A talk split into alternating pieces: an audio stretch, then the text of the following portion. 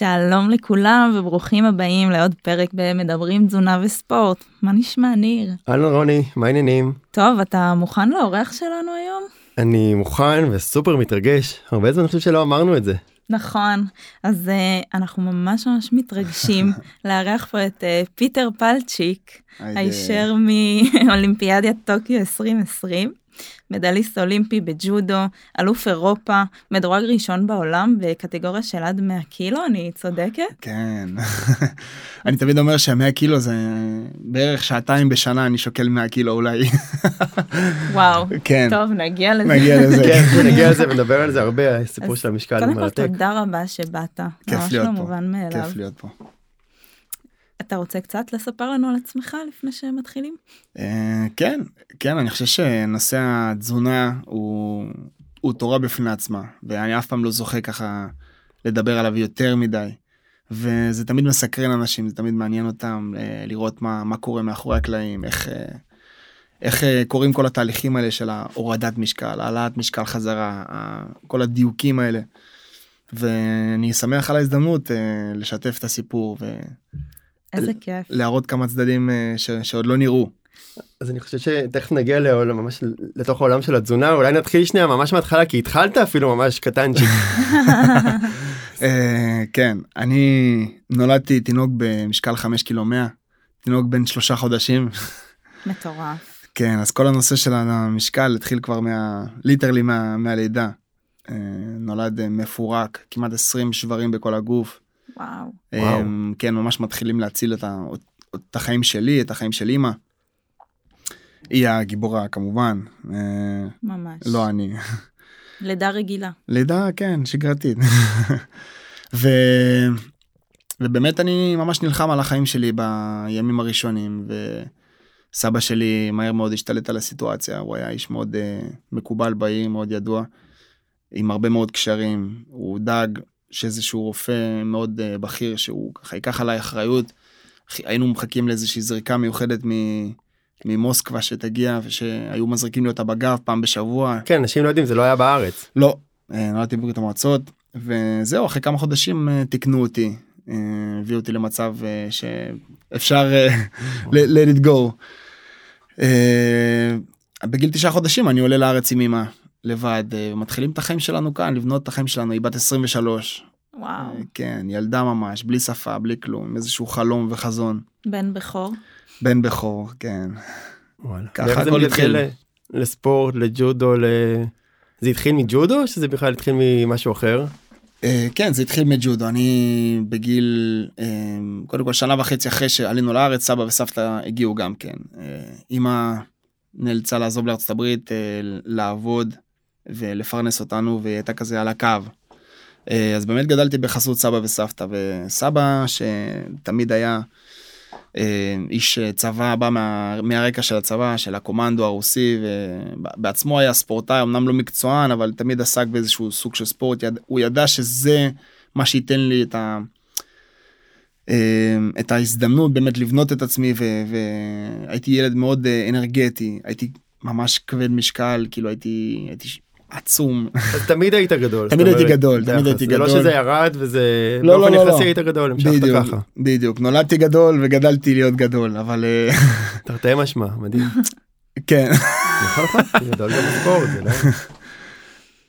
ליטרלי 100 קילו אז uh, הכל התחיל שם ובאמת בגיל 4 הוא, זה שהכניס אותי לג'ודו והדברים היו נראים מאוד מאוד רציניים כאילו אף פעם המילה חוג לא נאמרה בבית כאילו זה תמיד היה מועדון ג'ודו וספורט ואימונים ורצינות ונחישות ואין דבר כזה לוותר ואין דבר כזה לא בא לי ללכת לאימון.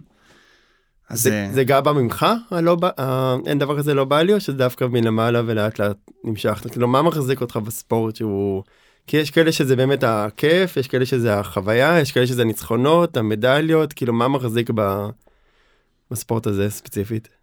זה קצת מהכל אני חושב אבל בעיקר בשלב הזה זה באמת ה... החינוך החינוך ובאמת החינוך של סבא וסבתא שלי אה, באותם ימים. אין דבר כזה לוותר לעצמך אין דבר כזה להתפשר אין דבר כזה שאתה נוסע לתחרות ואתה מסתפק בלנצח קרב אחד או אפילו להביא מדליה והיא לא בצבע זהב. אין.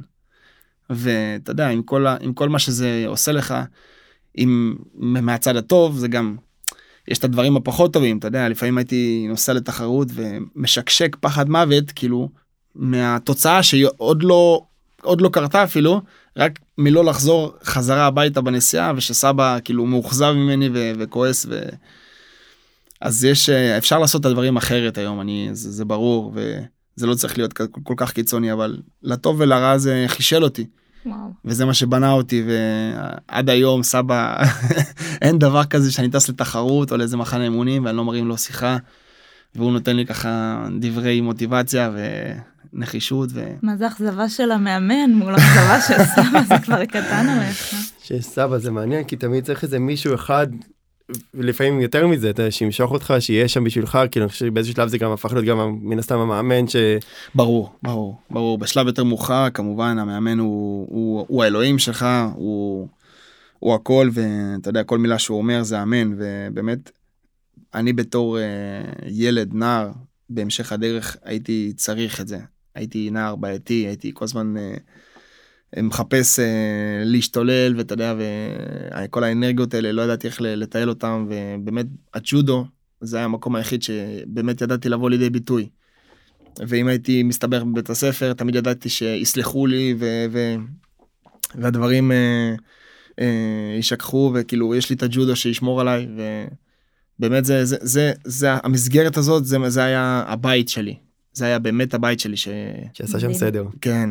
טוב, אז כולנו צפינו באדיקות באולימפיאדה, וככה ג'ודו מביא הרבה כבוד לישראל. אה, זה נורא מסובך, כאילו כל הניקוד וזה, אנחנו לא ניכנס לזה, לא נצא מזה, אבל קצת תסביר לנו באופן כללי איך, אה, איך אה, מנצחים, כמה זמן נמשך כל קרב, כמה קרבות יש. אז באופן עקרוני הדברים מאוד מאוד פשוטים צריך uh, להיכנס לזירה ולהפיל את היריב. סתם. אה, כן כן. אבל יש קטגוריות אנחנו קצת יודעים אבל לא כולם יודעים יש קטגוריות של משקל גם אצל גברים גם אצל נשים. נכון. אוקיי מתחרים אצל נשים 4 דקות אצל גברים 5 דקות. לא לא גם בגברים גם נשים זה 4 דקות אנחנו בשוויון 2021. 4 כן. דקות? 4 דקות קרב ואם אין הכרעה בארבע דקות האלה בעצם נכנסים לשלב שנקרא golden score הראשון שזורק מנצח הראשון שעושה טעות ונענש השני מנצח ו... וזה יכול להיות גם 20 דקות קרב לצורך העניין. וואו. בטורניר המאסטרס בקטאר קרב ראשון של התחרות היה לי קרב של 13 דקות. מטורף מטורף זה כבר שכבר זה קרב שכבר אין לך מאגרי אנרגיה אתה כבר גמור היריב גמור ואתה צריך להוציא מעצמך איזשהו ערך מוסף אין איזשהו פסק משהו זמן. אין פסק זמן פוסית רגע עצור. לא אין. כן. וואו. כן שזה גם ההבדל ההבדל בין ספורט יחידני לקבוצתי דיברנו על זה קצת שפה אתה לבד לטוב ולרע ואי אפשר להחליף באמת נכון והכל. אפשר לתת כיף למישהו בוא כנס רגע תחליף אותי. זה כבר הופך להיות ספורט קצת אחר שאתה מתחרק שתי דקות דקה ארבע דקות לעומת שמונה עשר דקות זה יכול להיות ממש ספורט אחר. בשחייה זה ממש ספורט אחר. זאת אומרת 100 מטר 200 מטר זה לא 400 מטר. אז פתאום. למה אתה גם רואה את המבנה האחר של הספורטאים נכון? ספורטאים של 100 מטר הם לא ספורטאים של 400 ו... וקילומטר. כן מייק טייסון אמר פעם שאסטרטגיה זה דבר טוב עד שאתה חוטף את האגרוף הראשון. בדיוק. אז אתה יכול לבוא עם אסטרטגיה ופתאום אתה חוטף ואצלכם גם בראשון יכול להיות שיגמר הקרב. נכון. זאת אומרת שם עוד באגרוף לרוב אתה יכול עוד להתאושש כי יש לך עוד הרבה מחזורים הרבה אם, אם לא חטפת חזק אז כן אתה, אתה עוד יכול לכפר מה שנקרא ולגמור את את הקרב בסיבוב האחרון בנוקאוט. כן אולי. יש עוד הרבה סיבובים בג'ודו קצת פחות. בג'ודו יש לך פחות או יותר בוא נגיד ניקח זמן קרב ממוצע 4-5 דקות לפעמים יש קרבות שמוכרעים גם בחצי דקה וב-10 שניות. ויש כאלה שהם אחרי הגולדן סקור אז פחות או יותר זה 4-5 דקות ואתה צריך כשאתה נכנס לקרב אתה צריך להיות מודע וערוך לכל תרחיש אתה יכול להיות ערוך לזה שהקרב הולך להימשך רבע שעה ולזה שהוא ייגמר גם תוך אה, דקה אם אתה יודע לסיים את זה מהר ונכון. היו הרבה מאוד אה, אה, גם מזה וגם מזה.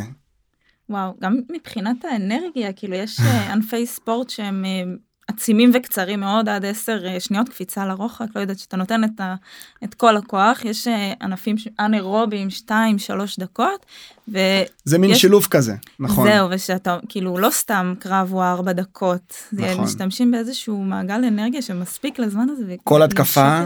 כל התקפה אתה מגייס את כל הגוף את כל השרירים ובעצימות הכי גבוהה. זה מה שאנשים לפעמים בטלוויזיה לא מבינים כל כך, כי רק הרבה הרבה אנשים שאפילו המשפחה שלי והחברים עד שהם לא היו בקהל פה בגרנד סלאם או באליפות אירופה שהייתה הם והם היו קרוב הם רק אז הם באמת אה, היה להם איזושהי תחושה של אה, כמה עוצמה וכוח מפעילים הספורטאים אם זה באחיזה ואם זה בכל כניסה אה, לתרגיל כזה או אחר המון המון המון כוח ובשלב מסוים זה נגמר ואז אתה. להתאושש מדבר כן. כזה זה יכול לעלות לך ב... כן ואז מישהו בטלוויזיה יכול שיקום שיקום ואנשים לא מבינים. אנשים לא מבינים. עם הפופקורן. עם הפופקורן שיקום כבר. אתם יודעים מה הכי קשה? אם כבר אנחנו מדברים על זה יש uh, את הרגעים האלה שכבר אתה בתוך הגולדן סקור עמוק מה שנקרא בתוך הגולדן סקור בדקה השישית שביעית שמינית. ואז השופט אומר לסדר את החגורה לסדר את החליפה עכשיו. אסור לך לפתוח את החגורה אתה צריך להכניס את החליפה דרך דרך החגורה שהיא מאוד אדוקה על הגוף גם ככה. אתם יודעים מה זה כשלהכניס את החליפה לתוך החגורה כשהאצבעות שלך אתה לא יכול לקפל אותם. יואו, אתה ככה אתה נאבק להכניס את החליפה לתוך החגורה ואתה מסתכל על השופט למה אמרת לי את זה עכשיו למה. אתם מבינים מה הכי קשה בקרב ג'ודו. להכניס את החליפה ולסדר את השיער אחרי זה נדבר על זה. אחר כך נדבר על זה. אז קצת רק את ההבדלים אולי בין גרנד פרי לגרנד סלאם לאוקיי אליפות אירופה אליפות עולם אולימפיאדה. ההבדלים המהותיים הם בתכלס בניקוד שהתחרות מקנה לך. זאת אומרת, גרנד פרי, בוא נדבר על מדליות זהב. גרנד פרי 700 נקודות, גרנד סלאם 1000 נקודות. אליפות אירופה היא דווקא פחות, היא כמו גרנד פרי 700 נקודות, אליפות עולם היא 2000. ו, ו, ובעצם אתה כל תחרות כזו או אחרת שאתה זוכה בה אתה מתברג באיזושהי רשימה ואתה שיטת הניקוד עובדת ככה לוקחים חמש תוצאות הכי טובות של, ה, של השנה וזה בעצם מה ש...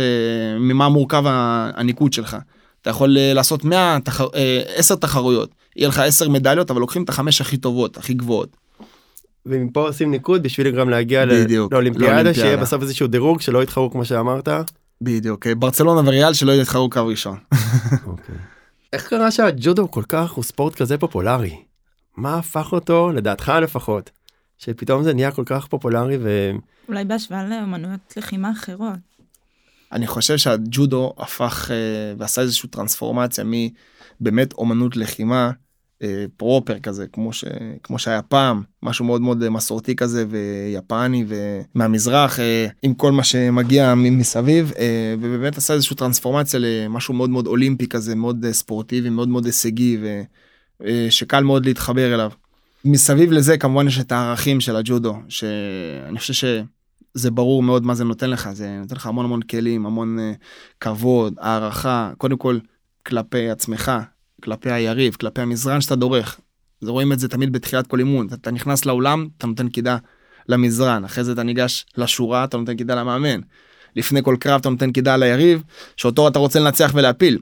ובאמת אנחנו יכולים להילחם כמו חיות טרף להוריד דם אחד לשני לפעמים ורואים יש מלא קרבות רואים אחד חבוש ככה כל הראש שלו כל האצבעות שלו דם וואו. ובסוף נותנים קידם מתחבקים וזה זה הערך המוסף שג'ודו יודע לתת וזה מדהים בעיניי זה ספורט הכי. הכי כיף שיש. אתה אובייקטיבי. אני אובייקטיבי כן. כן מישהו פעם אמר לי שאנחנו טובים בספורט שאנחנו כשאנחנו יחפים. או בשיט, כן, או בים. שכל המדליות.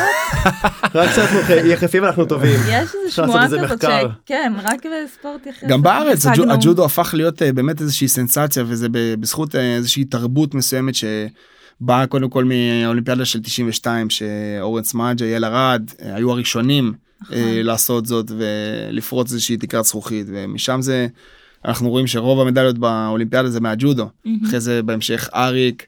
אה, אריק זאבי כמובן ואז אה, ירדן ג'רבי ואורי ששון ואז אנחנו ובאמת הג'ודו עושה משכלל את עצמו כל פעם אה, והיום אני יכול להגיד בצניעות שהג'ודו מבחינת כמות הילדים והרשומים שבר כל שיא כאילו. בטוח. זה, זה, זה מטורף. זה, זה מטורף. מדהים, וצריך כן. להבין כמה, כמו שאמרת, כמה כבוד יש שם, וכמה אסטרטגיה, וכמה חשיבה, וכמה זה לא ספורט פשוט בכלל. זאת אומרת, נכון. זה משהו שאתה בא לא... לא רוצה לזלזל באף ספורט אבל אתה לא בא עושה את כל הכוח מה שיוצא יוצא וזה ממש לא. נכון אתה כל הזמן צריך להשתכלל, כל הזמן צריך לחשוב... כמות המידע שאתה צריך לאבד בזמן אמת אה, הוא מטורף, אתה צריך לחשוב על המהלכים, אתה צריך לחשוב על אסטרטגיות קרב, אתה צריך לנתח את הדברים בזמן אמת, לפעמים האסטרטגיה שנכנסת אליה לקרב היא, היא לא נכונה כבר כי היריב מגיב בצורה אחרת, אז צריך להביא משהו חדש, לשמוע את המאמן שלך, לנתח את מה שהוא אומר, להבין אם זה טוב לך לקרב, להרגיש משהו. בקיצור, המוח אה, עובד אה, על, על כן על, על טורים מאוד מאוד גבוהים בזמן קרב. ו...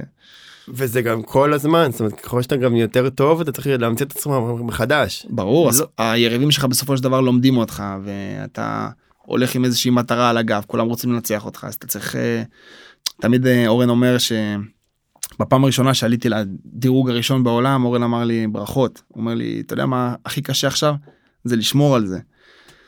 זה זה, זה בדיוק המשחק כן, להיות למעלה עוד יותר קשה. נכון. עוד יותר מאתגר. טוב, אז אולי אה, נגיע לחלק העיקרי של היום, אנחנו באים אה, מעולם התזונה, וזה אה, מאוד מעניין אותנו, זאת אומרת, יש כמה ענפי ספורט שעניין התזונה הוא, הוא עניין גדול, וג'ודו זה אחד מהם, בכלל, כל קטגוריות המשקל. כי יש דגש מאוד מאוד גדול על השקילה, אתה צריך להגיע ביום מסוים למשקל מסוים, וזה לא בא ברגל, נכון? לגמרי. אז קודם כל בג'ודו יש קטגוריות משקל, וזה מה שיפה גם בג'ודו, שיש מקום לכולם. זאת אומרת, אם אתה שוקל 100 קילו או 120 קילו, אתה יכול להיות בג'ודו, יש לך קטגוריה שמתאימה לך, ואם אתה 60 קילו, אז גם אותו דבר. אז בגברים זה שיש... הקטגוריות מתחילות מעד 60 עד 66 עד 73 עד 81 עד 90 עד 100 אני ו100 פלוס. שזה זאת אומרת שאתה הקטגוריה האחרונה, אפשר להגיד, אחד לפני האחרונה, האחרונה כן. אבל שיש הגבלה, זה האחרונה. בדיוק, בדיוק, בדיוק. ואני באופן אישי צריך להוריד כמעט 7 קילו לכל תחרות, פחות או יותר. וואו, תעשו רגע חשבון. תעשו חשבון, אבל כאילו אתה מתחת כל השנה מעל 100 קילו. כן, גם עכשיו אני מעל 100 קילו, אני 106, 107, ובעצם לקראת התחרות הראשונה שלי בפברואר, אני צריך להיות אה, מתחת ל-100. כי מה שצריך להבין שבין 90 ל-99 אז עדיף להיות גם ב-97, 8, 9 ומן הסתם לא לבוא ב-90, 91. זאת אומרת זה נחמד להגיד בין 90 ל-99 hmm. וכולם יבואו ברור למעלה. אף אחד לא בוא נגיד בקטגוריית המשקל 100 קילו בודדים הספורטאים ששוקלים 100, 101, 102 כמעט ואין. ובאמת כל הסיפור הזה של להוריד משקל הוא נובע מהמקום של להרוויח איזשהו כוח נוסף אה, מהמסה שלך. עכשיו בוא ניתן דוגמה קטנה נניח שאני שוקל 100 קילו ביום יום כן אני, שוק, אני מתחרה עד 100 קילו ואני שוקל 100 קילו. אז אני מגיע לתחרות נשקל בקלות לא לא עושה הורדה לא עושה שום דבר מיוחד ומגיע יום למחרת השקילה בשמונה ויום למחרת התחרות שלך בבוקר בעשר. מגיע לתחרות השקילה בשמונה בערב? בערב ויום למחרת אתה זאת אומרת אתה... שיש לך 14 שעות מהשקילה ועד לתחרות. עכשיו בבוקר של התחרות רבע שעה לפני הם אה, לוקחים ארבע ספורטאים באופן רנדומלי אקראי אה, בכל קטגוריית משקל וכל כל ספורטאי כזה צריך אה, להיות לא יותר מחמש אחוז מהמשקל שלו. זאת אומרת ספורטאים ב-100 קילו אסור להם לעבור את ה-105 רבע שעה לפני התחרות. עברת את זה או שאתה או, ש, או שלקחו אותך או שלא עברת את הרבע השעה הזאת זהו זה שזה בטוח. שזה איזושהי בקרה בקרה כזה, נכון? בדיוק, בדיוק. אני רגע רוצה לעשות סדר מה שקורה זה שיש שקילה בשקילה כולם חייבים להיות עד 100 קילו. מתחת ל-100 99 9.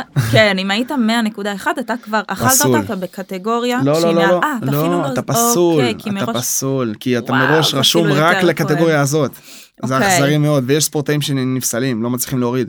ואז תחשבו שבחור כמו פיטר פלצ'יק שביום יום שלו הוא 107 108 קילו יורד לקראת התחרות ביום התחרות שוקל 99 9 ואז 14 שעות אחר כך הוא כבר לא 90. הרבה מעל. הוא הרבה מעל ואז מה שהם לוקחים הם דוגמים אנשים כדי לוודא שאין רמאות בעצם שאנשים לא עולים.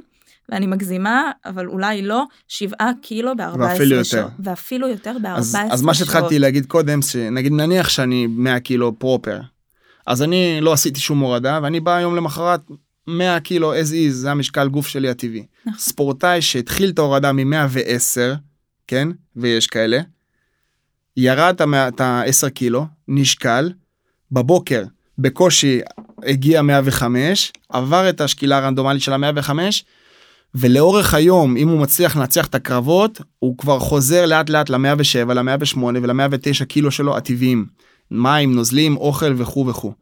ואז לצורך העניין בקרב גמר, פיטר מגיע 100 קילו, כן? מול מתחרה שהוא כאילו אותו קטגוריה משקל, אבל הוא כמעט 9-10 קילו מעליו כבר.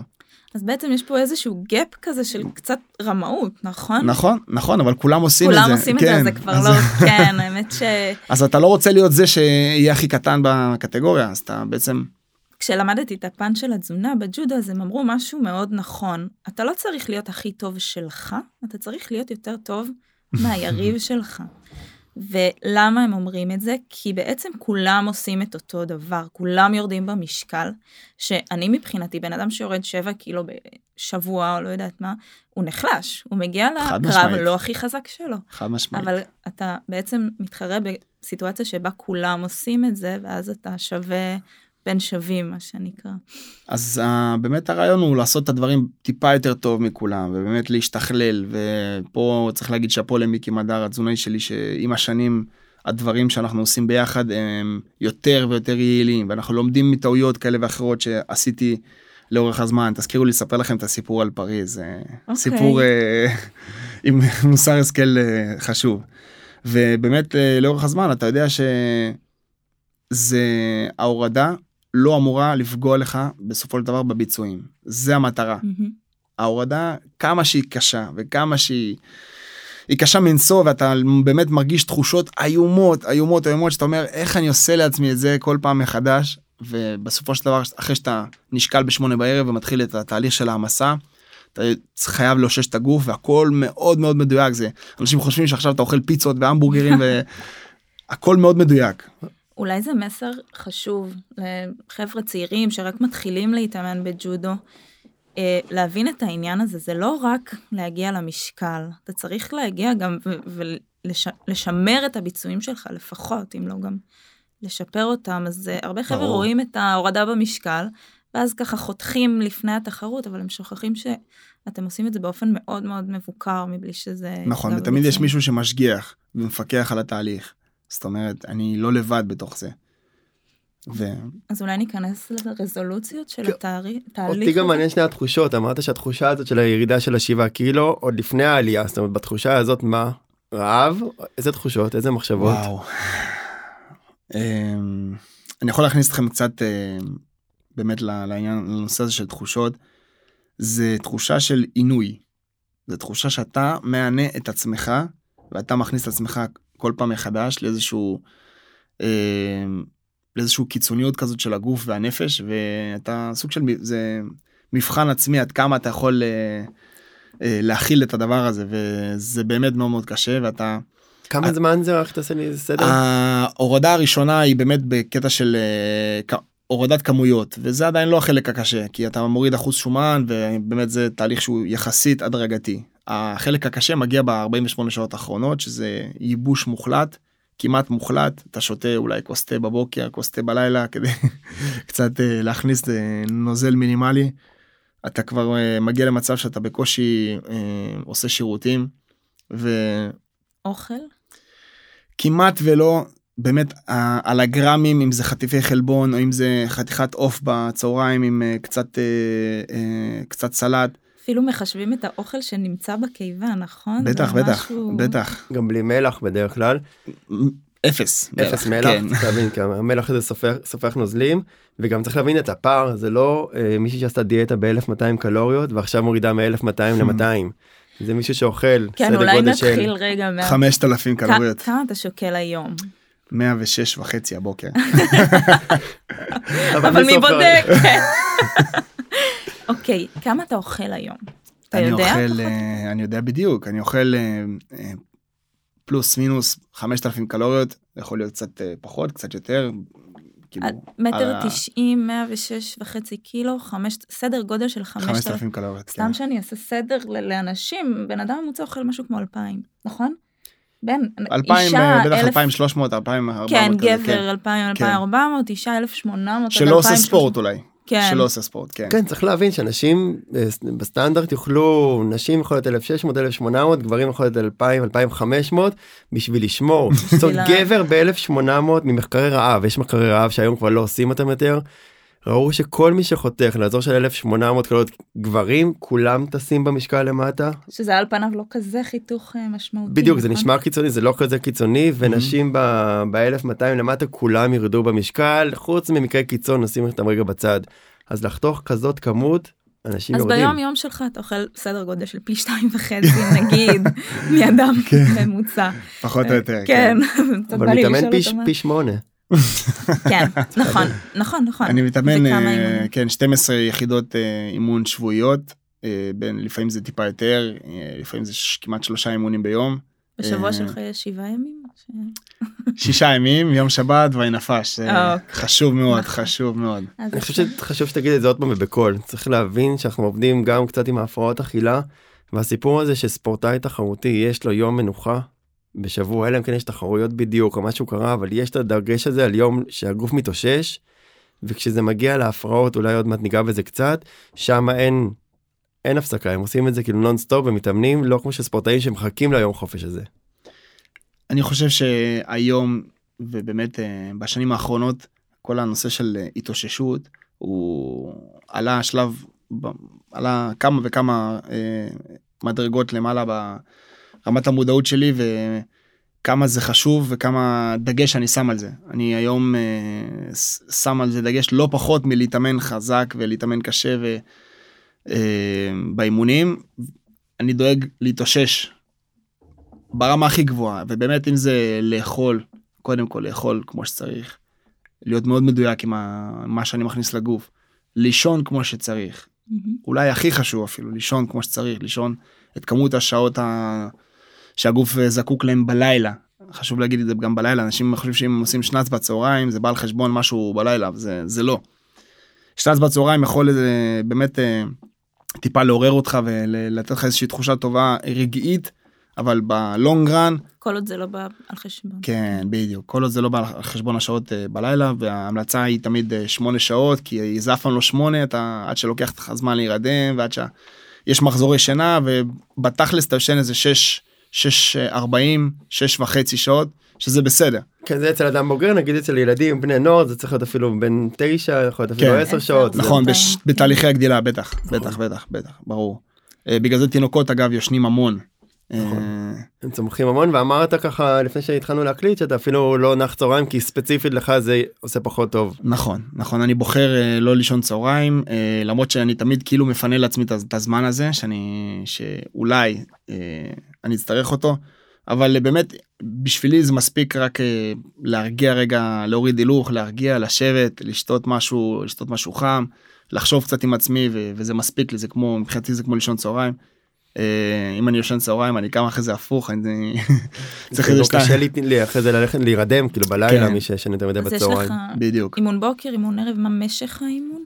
אה, אימון בוקר אה, בדרך כלל מתחיל בתשע עד 12 פחות או יותר ארוחת צהריים טיפולים פיזיותרפיה כאלה ואחרים אימון ערב מתחיל כבר בארבע שעתיים עד שש בערך שש וחצי השלמות אם זה עוד אה, טכניקה שצריך אה, להתאמן עליה אה, עוד טיפולים אחרי זה. פגישות עם הפסיכולוג בין לבין אימונים מנטליים ניתוחים של קרבות פגישות עם התזונאי בדיקות דם מדדים אחוזי שומן. כל היום כן, אני עסוק באיך לשדרג את עצמי, איך לפתח את עצמי ואיך להביא את עצמי ל, ל, לשלב הבא.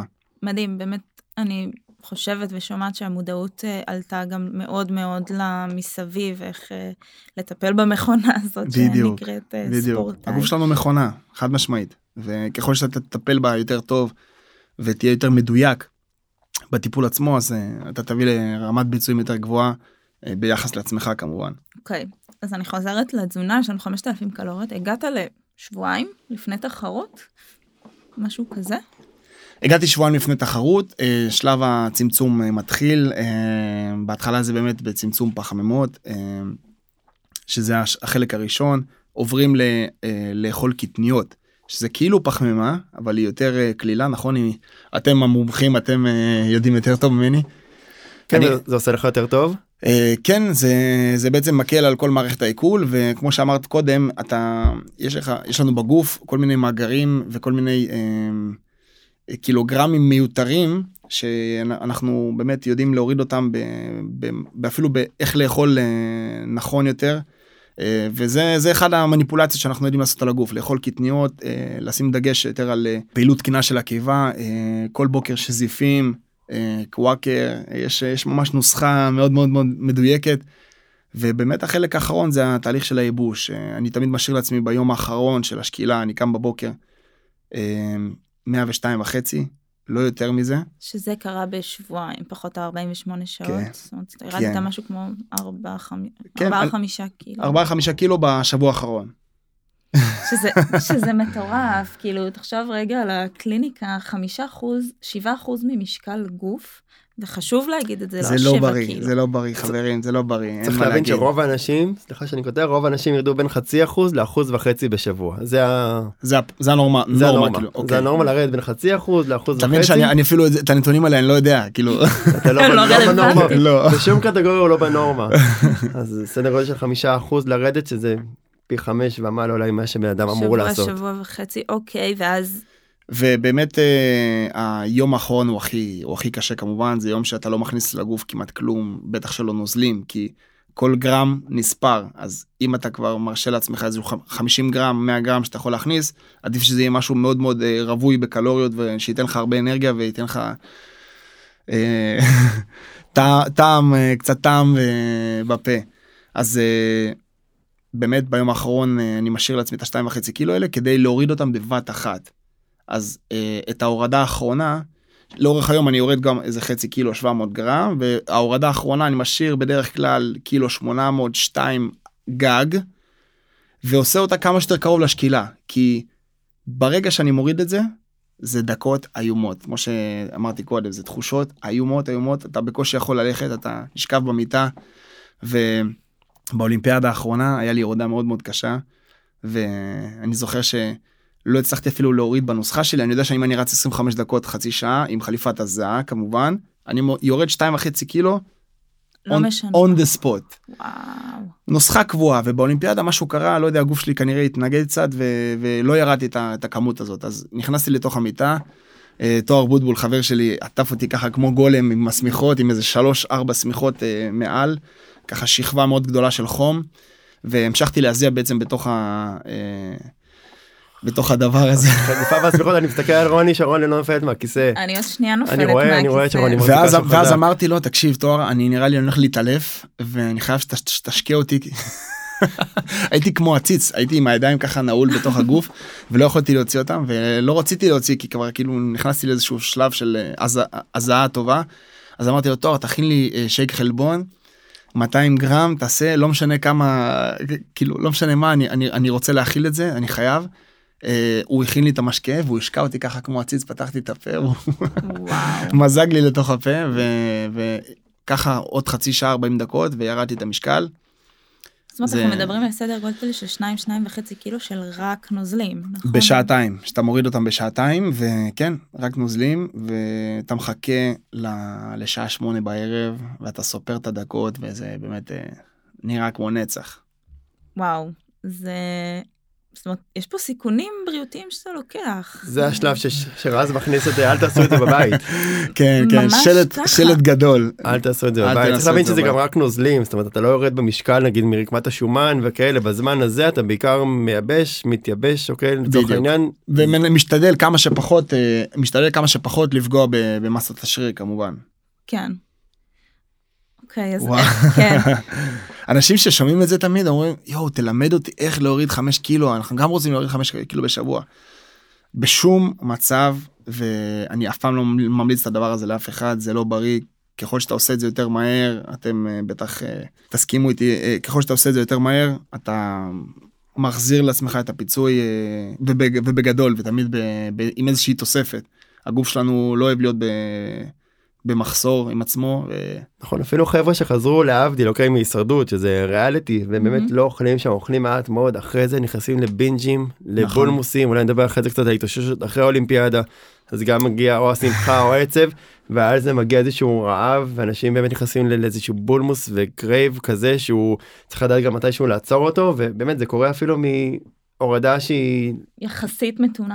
חשוב לי להגיד גם, אה, הטכניקות שאתם משתמשים להוריד במשקל, בסוף מה שמשנה זה מה רואים על המשקל. נכון. ומשום מה נוצר גם בקרב הפרעות אכילה או בקרב הקהל הרחב איזושהי מחשבה שאם אה, נרוץ עם חליפות הזה אנחנו נרד במשקל. זה נכון, אבל מה שנוריד זה נוזלים. אנשים שרוצים hmm. לרדת במשקל הם לא רוצים לרדת נוזלים, זאת אומרת המשקל לא, לא מעניין את האדם מן השורה, ו, ופה חשוב להדגיש את זה, הרבה פעמים לוקחים דברים ומוציאים אותם מהקשרם. נכון, נכון, אני... אני עכשיו ספורטאי ואני בעצם מדוד בכל רמה חבריי, כל דבר שאני עושה הוא באמת נמדד, אה, בין אם זה שקילות או בין אם זה מדדים כאלה ואחרים אה, ברמה ההישגית. אז אני תמיד נמצא באיזשהו כל הזמן אה, בקרה ואיזשהו פיקוח, אבל אני חושב שברגע שאני אפרוש מהספורט, אני אוציא מעצמי, אני אוציא, אשתדל להוציא מהראש את כל הנושא הזה של משקל, אני חושב שהוא נושא שלא צריך להיות בכלל בשיח שלנו, כל בן אדם הוא... הוא אינדיבידואל. אף אחד אה, אנחנו לא עכשיו אה, יוצאים ממפעל וכולם אה, אותו דבר וכולם צריכים להיות באותו גודל וכולם צריכים לשקול אותו דבר. ממש לא. כל כל אחד יש לו את הגנטיקה שלו כל אחד יש לו את המבנה את המבנה שלו. כל אחד במשקל אחר ואני חושב שזה גם הדבר הזה מכניס הרבה מאוד אנשים לאיזשהו תסביכים כאלה ואחרים עם עצמם. וגם ספורטאים זה כאילו זה קיים אצלם. גם אני שאני.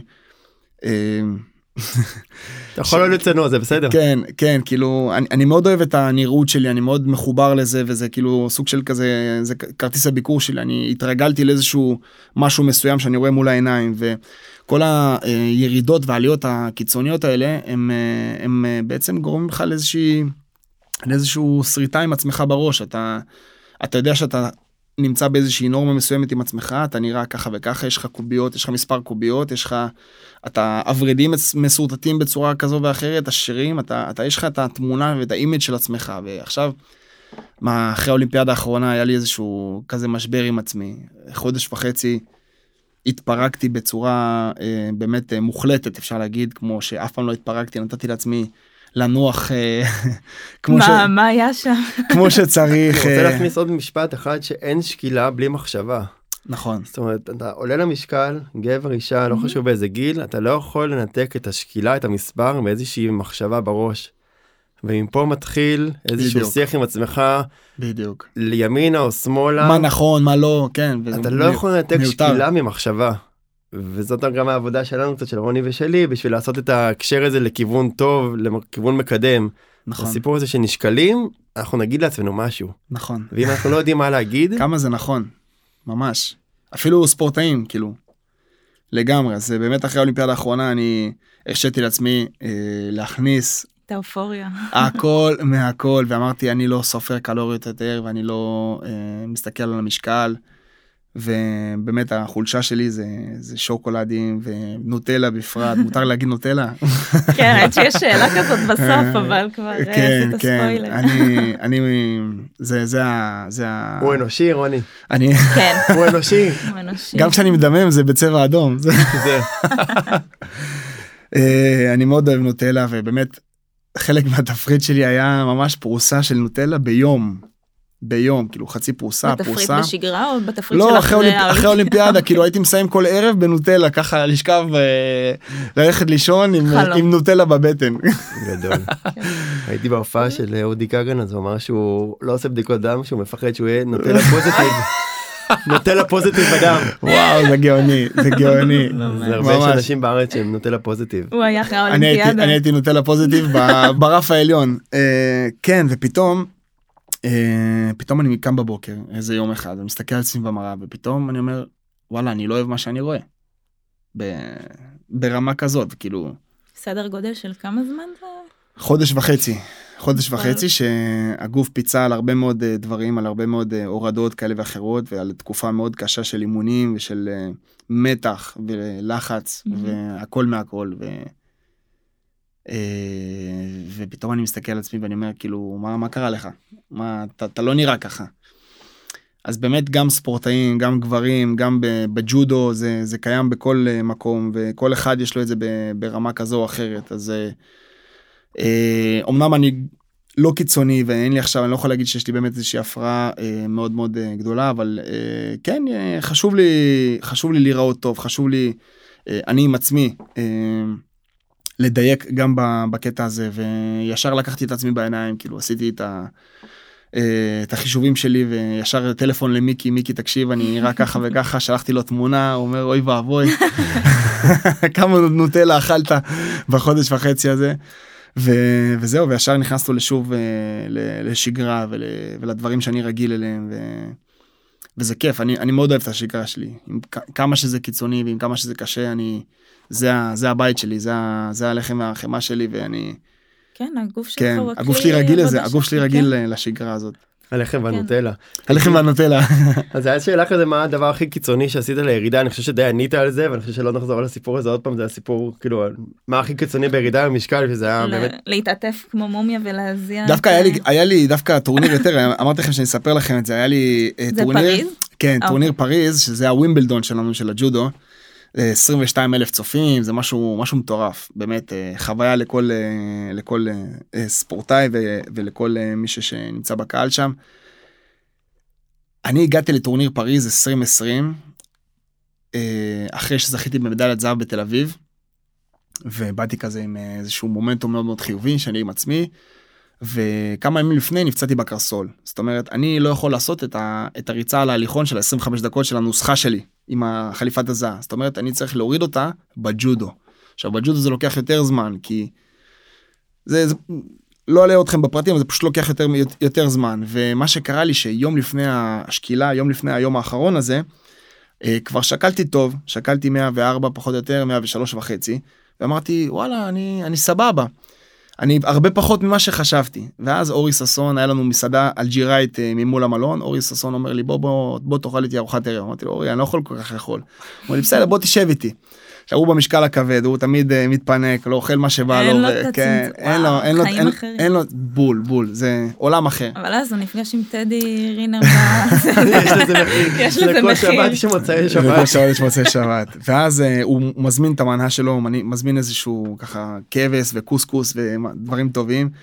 ואני מזמין איזה כוס תה כזה ו... ואז. ואז. אני ואז אני. ואז אני שקט. קטן ואז אני זוכר אה, אני נזכר בזה ששקלתי טוב שקלתי 103 שלוש וחצי אמרתי וואלה אני יכול אה, לאכול איזה מנה קטנה. ואז אה, מפה לשם אחרי חצי שעה אני, אני מנגב קוסקוס וכבש מהצלחת וואו. כן וזה כאילו ברגע שהביס הראשון נכנס אתה כאילו אתה, אתה כאילו הנשמה שלך יוצאת מחוץ לגוף זה חוויה חוץ גו- גופנית אתה כאילו אתה לא יודע מה קרה בעשר דקות האחרונות ו, ופתאום אני אני מרגיש שאני בבעיה. אני, אני רץ מהר למלון. אני רץ מהר למלון ואני קולט מה קרה פה כי אתה נמנע בעצם כל התהליך של ההורדה אתה נמנע מפחמימות וסוכרים כי זה זה דברים שישר מקפיצים את, ה, את, ה, משקל. את המשקל כי אתה סופח נוזלים ואז בעצם אנחנו רוצים להיפטר מהנוזלים. ופתאום אני קולט שאני 105. המשקל קפץ מה זה קפץ כאילו וואו. הכפיל את עצמו ואני ישר אה, טלפון למיקי מיקי הייתי שם. אה, מיקי בוא בוא לחדר בוא תראה את המשקל אה, מה קרה מה עשית. הלכתי עם אורי. אכלתי קוסקוס וכבש אומר לי מה אתה גנוב מה עשית. אני קם אה, אני קם בבוקר של המחרת כשאני רגיל לקום 102 2 וחצי אני קם 104. ביום. האחרון של השקילה שלי זאת אומרת ביום האחרון הייתי צריך להתמודד עם 4 קילו שאני גם לא יכול להוריד אותם בריצה כי אני פצוע בקרסול. מפה לשם אמרנו טוב צריכים להיערך פה לסיטואציה ו- ולצאת מהקופסה עושים שתי אימוני הורדה במקום אימון אחד. הלכתי שמתי חליפת הזעה ובזמן התחרות של המשקלים הקלים עשיתי אה, ג'ודו בעולם חימום. ובאמת הגעתי למצב מאוד מאוד קשה. אני כבר מתאמן עם עיניים עצומות כי אין לי כבר אנרגיות כאילו צמצמתי כמו ב... כמו מטוס שמתרסק אז מצמצמים לו מנוע נכון כדי שיוכל להמשיך אה, לטוס ש... ש... אה, להיות יעיל עם, ה... עם ההתרסקות שלו אז, אז ככה התחלתי לכבות את העיניים ואז אני, אני ממלמל משהו למאמן שלי גיל. אני אומר לו גיל תגיד אני, אני נראה טוב? זה שוב כל הקטע זה רק כדי להיראות טוב כי יש הרבה יריבי אה, יריבים שלי שנמצאים בעולם חימום שיושבים ומסתכלים ו... וכל הנושא הזה של הנראות הוא מאוד מאוד חשוב הכוח הרתעה.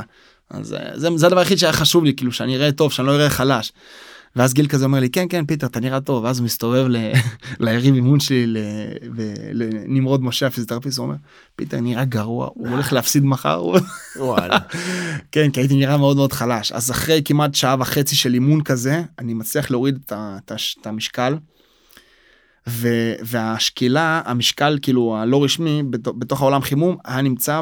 בסוף של הקצה שלו, של הזה, ואני מסתכל ככה. אין מצב אני מצליח להגיע לשם כאילו וואו. ביקשתי משתי חברים שלי שיקחו אותי ככה. שמתי עליהם את הידיים והלכתי ביחד איתם לסוף האולם חימום. חדר סגור כזה אני מוריד את זה ובדרך אני ממלמל, ממלמל לעצמי כאילו אין מצב הורדתי אני מרגיש אני אני אני אני כבד אני אני ככה וזה כאילו לופ לופ לופ רע כזה שנכנסת אליו ואתה לא אתה לא יודע איך לצאת ואז אה, למזלי אני עולה למשקל אני תשע תשע בול. וואו. ואמרתי יש תודה אלוהים תודה.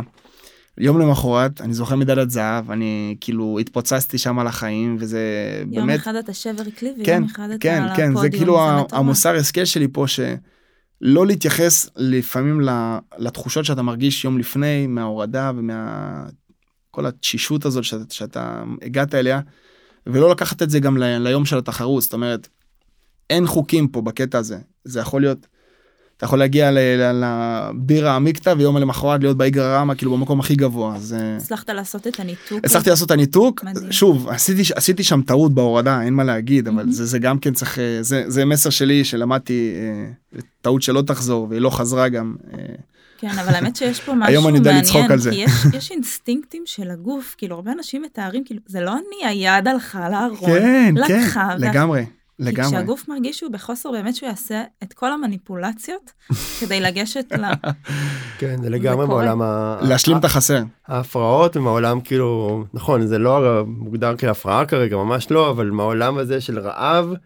אתה ממש מרגיש שזה חוויה חוץ גופית מה שנקרא שזה פשוט בן אדם אחר עשה משהו ואחרי זה צריך לתקן את זה. עשר דקות שנמחקו לי מהז- מהזיכרון. תודה. מעניין. כן. כמה אנחנו בסוף חיות הישרדותיות צריכות חד לשרוד, משמעית. כן. טוב אז הורדנו הורדנו הורדנו הגענו לשקילה תשע כן. תשע נקודה תשע ואז מה בגלל זה אמרתי אני שוקל 999 אולי אה, שעתיים בשנה. ממש אה, כן ואז מתחיל אה, בעצם תהליך מאוד מדויק של העלאה של כל המשקל הזה חזרה אז באמת תמיד גם פה יש תמיד קטע מצחיק מיקי אומר לא לשתות מהר לא לשתות מהר כי הדבר הראשון שחשוב זה להכניס דווקא אוכל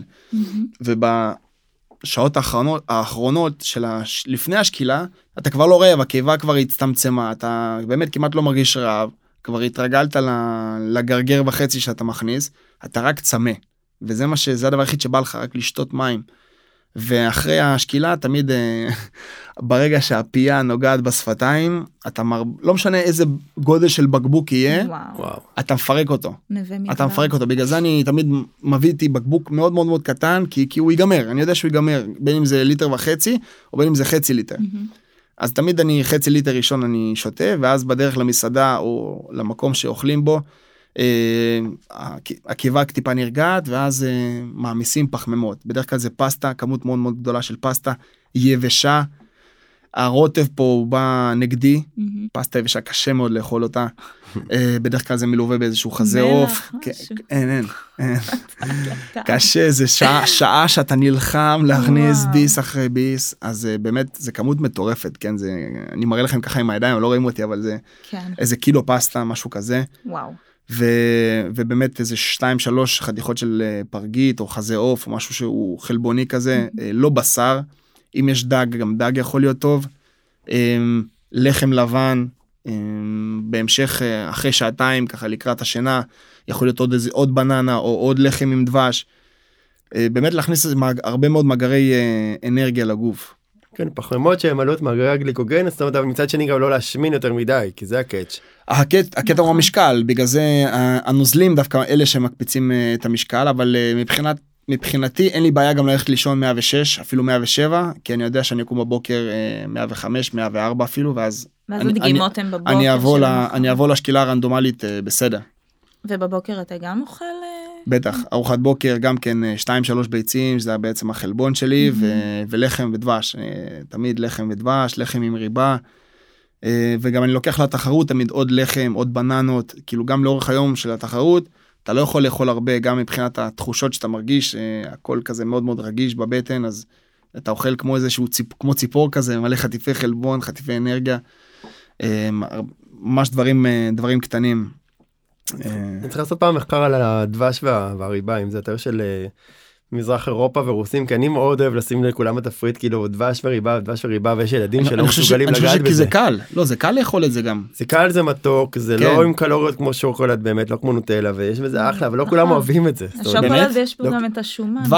דבש ולחם לא כולם אוהבים. לא כולם אוהבים זהו אני אומר. אני לא אוהבת דבש ולחם. בדיוק אז אני כן. במקור מריגה מלטביה כאילו משם ההורים שלי אז נראה לי אולי זה משהו יותר כזה לא כולם אוהבים ריבה ודבש. כן הסביר שההיגיון מאחורי זה למלא את מאגרי גליקוגן באנרגיה שהיא ככה זמינה. נכון. אם נאכל עכשיו פחמימות מורכבות, זה דורש יותר אנרגיה ממערכת העיכול, לוקח יותר זמן להתפרק, ואתם רוצים משהו ש... זמין, בדיוק, בדיוק זמין וקל, נכון. ובאמת, אה, כשהיום התחרות מתנהל בצורה הנכונה ואתה מצליח לנצח את כל הקרבות, מגיע לקרב הגמר, אז יש גם איזושהי הפסקה באמצע של שעתיים, mm-hmm. אפילו שעתיים וחצי, ו...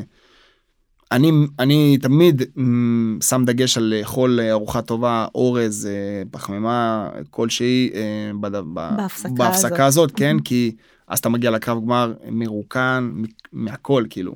זאת אומרת, אם השקילה נניח היא ב-10 בבוקר, מתי יכול להיות הקרב גמר בהנחה והגעת? 6, 6 וחצי. 6 בערב. כן. זאת אומרת שעד 6 בערב אתה כבר, אתה לא כמעט לא אוכל כלום. לא מהמשקל, לא, אבל אתה... א', לא אכפת לך מהמשקל, אוקיי, ב', אתה גם לאורך היום, אתה לא יכול עכשיו לעצור רגע ולדפוק ארוחה. כן. אתה ניזון באמת כי, כי, כי כל שעה כמעט יש לך קרב. Mm-hmm. אז אתה ניזון באמת מדברים מאוד מאוד קטנים לא להכביד על המערכת ו, וזה הרגע שלך בהפסקה באמת ל, לשחזר את המאגרים. נוזלים אתה מתקנא נוזלים שותה, ככה. שותה כן גם משקאות איזוטונים mm-hmm. שאני שם עליהם דגש כי זה גם זה סוכר זמין. כן.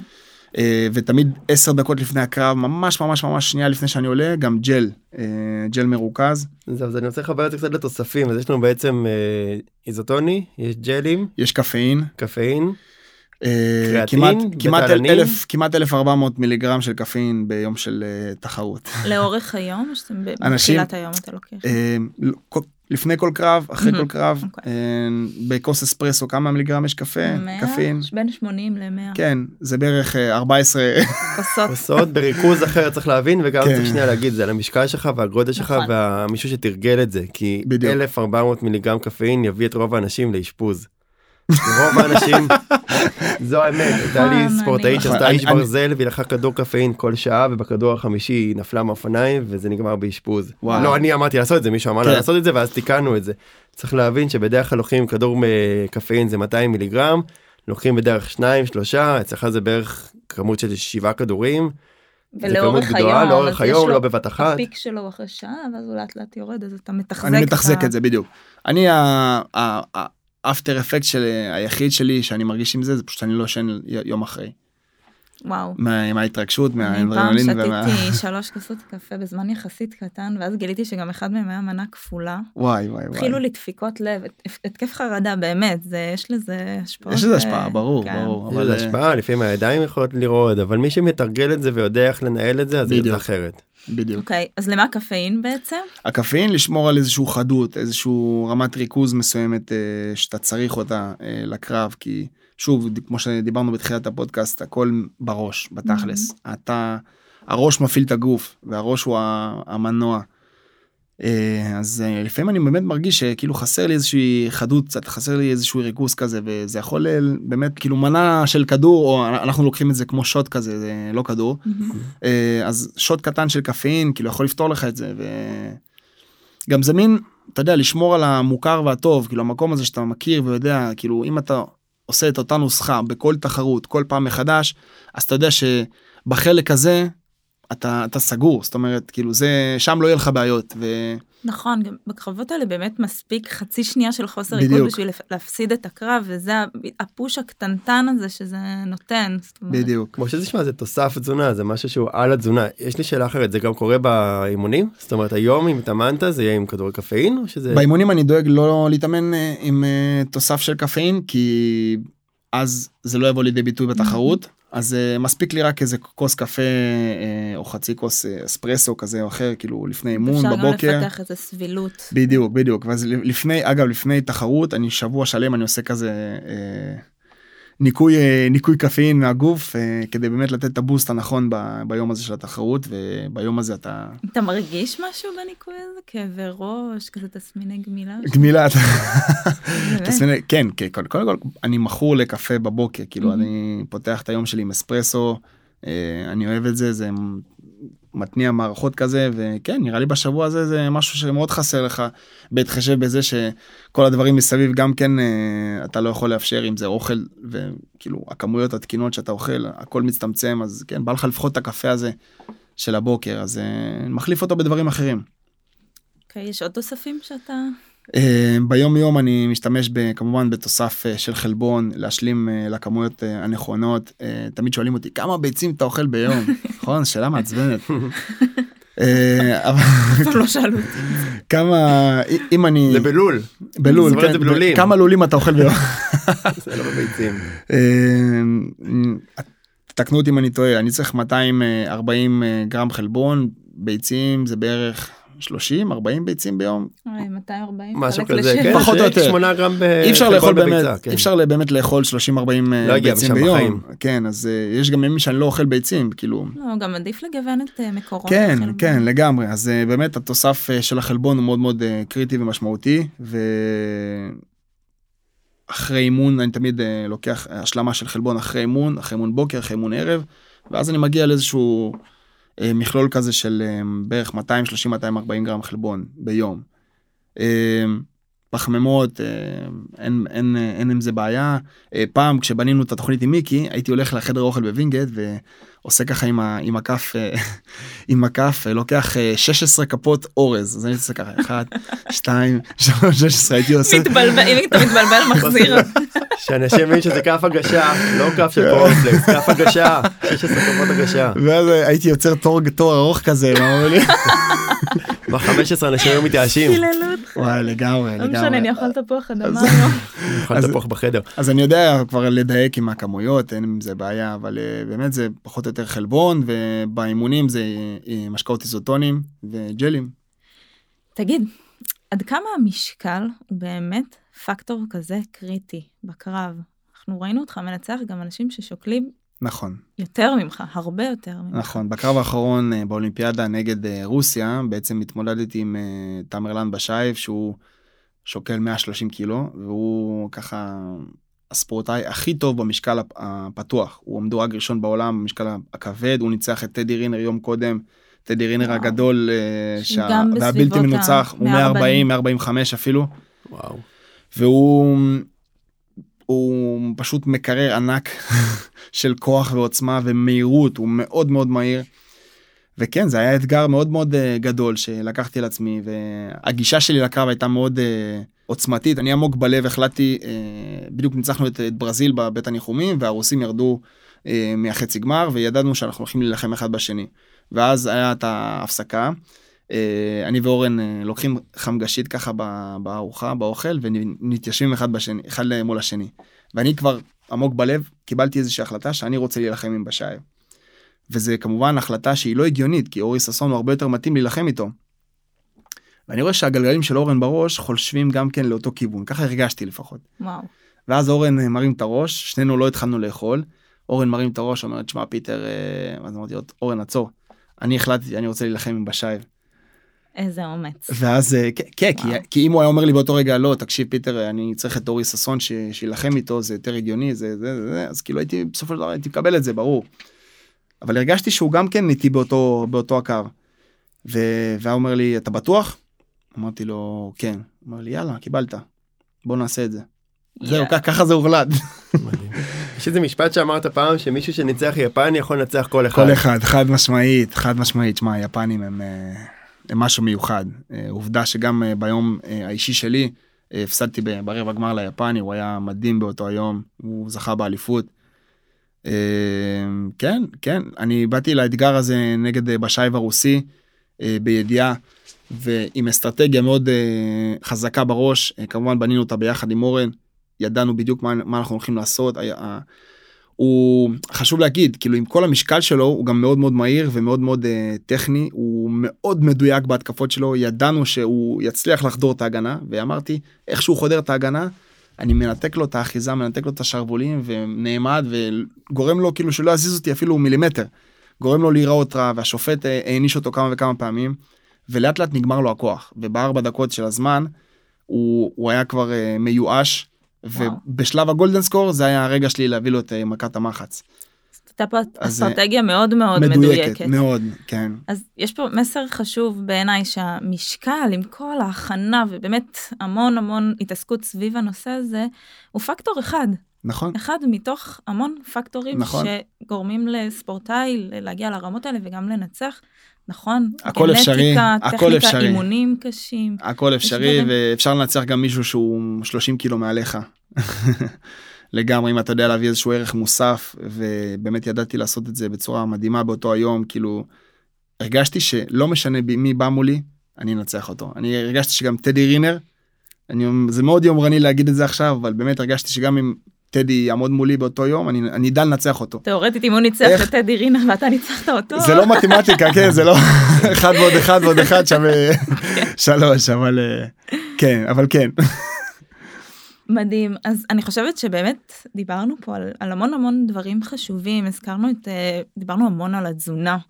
העברנו פה איזשהו מסר אנחנו מתעסקים עם uh, הרבה ענפי ספורט ויש uh, ככה ענפים שיותר מקושרים עם הפרעות אכילה בדרך כלל יש את הסטיגמה שענפי האסתטיקה הם אלה שסובלים מזה נכון. הכי הרבה התעמלות אומנותית uh, בעיקר אצל נשים שחייניות נכון. אבל uh, פה דיברנו על זה שזה לאו דווקא זאת אומרת גם הקטגוריות משקל גם גברים גם uh, גברים במשקלים גבוהים גם להם יש את ההתעסקות הזאת, נכון? ברור, ואפילו ברמה היומיומית, וכן, זה בתוך הראש של כולנו בצורה כזו או אחרת, ברמה כזו או אחרת, ותשמעי, בסופו של דבר אנחנו, זה הסיפור שאנחנו מספרים לעצמנו כל יום מחדש, ואני חושב שהדבר הכי חשוב זה אתה עם עצמך לא להקשות ולא להלקות את עצמך ולא להיות יותר מדי ביקורתי כלפי עצמך, כי זה, זה גם ככה, זה שם.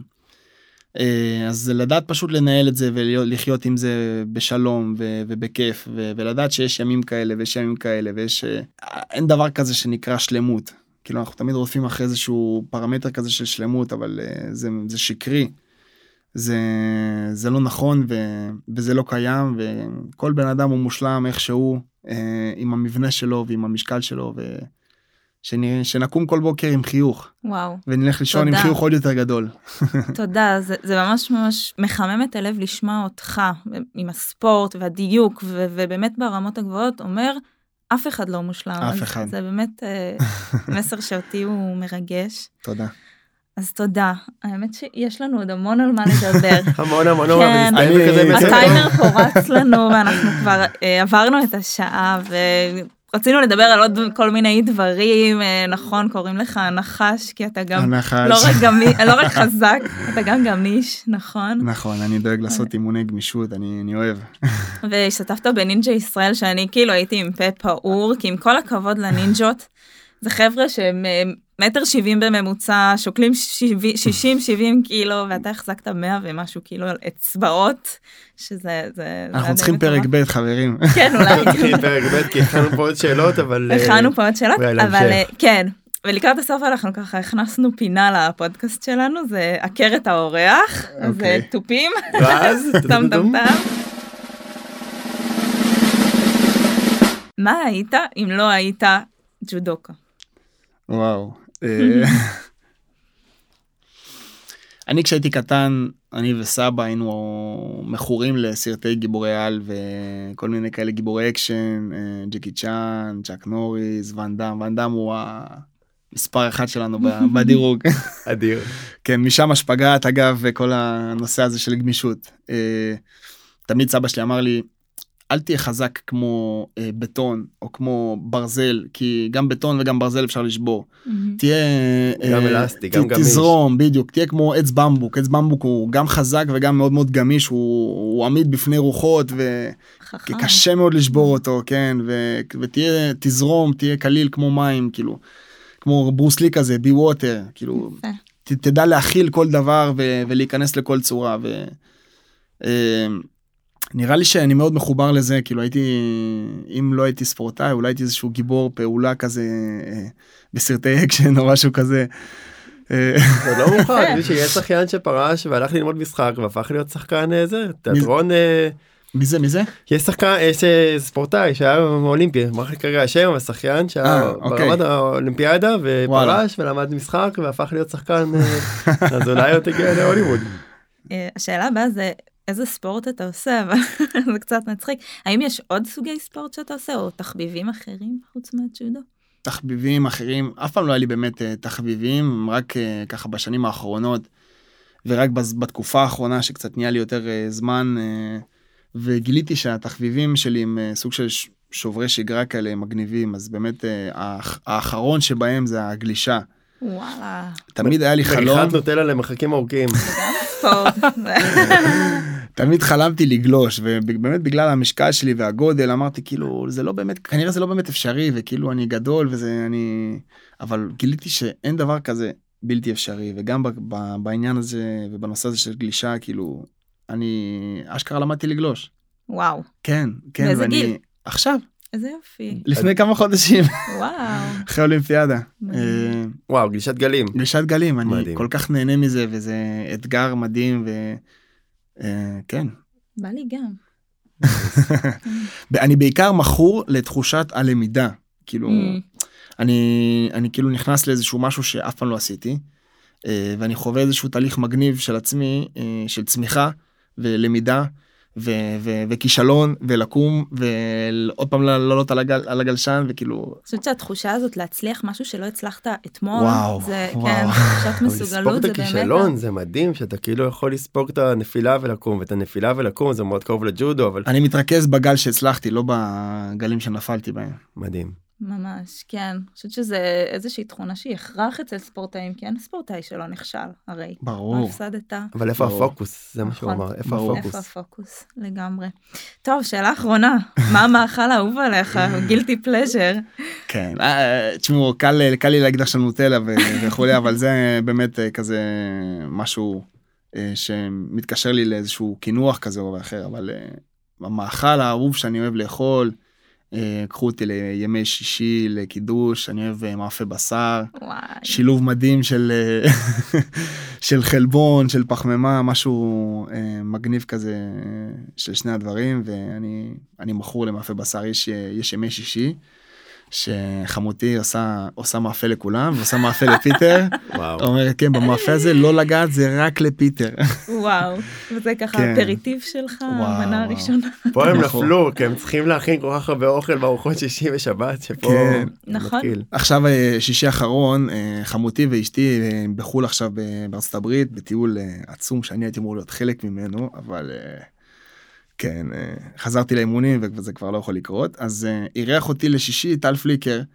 ואשתו הכין הנינג'ה כן ואשתו עכשיו אומרים הנינג'ה נכון האמת שהוא מטפס בראש ובראשונה. ולפני שהוא נינג'ה ומטפס הוא ספורטאי על הוא בעצמו שלישי בעולם והוא באמת ספורטאי מדהים.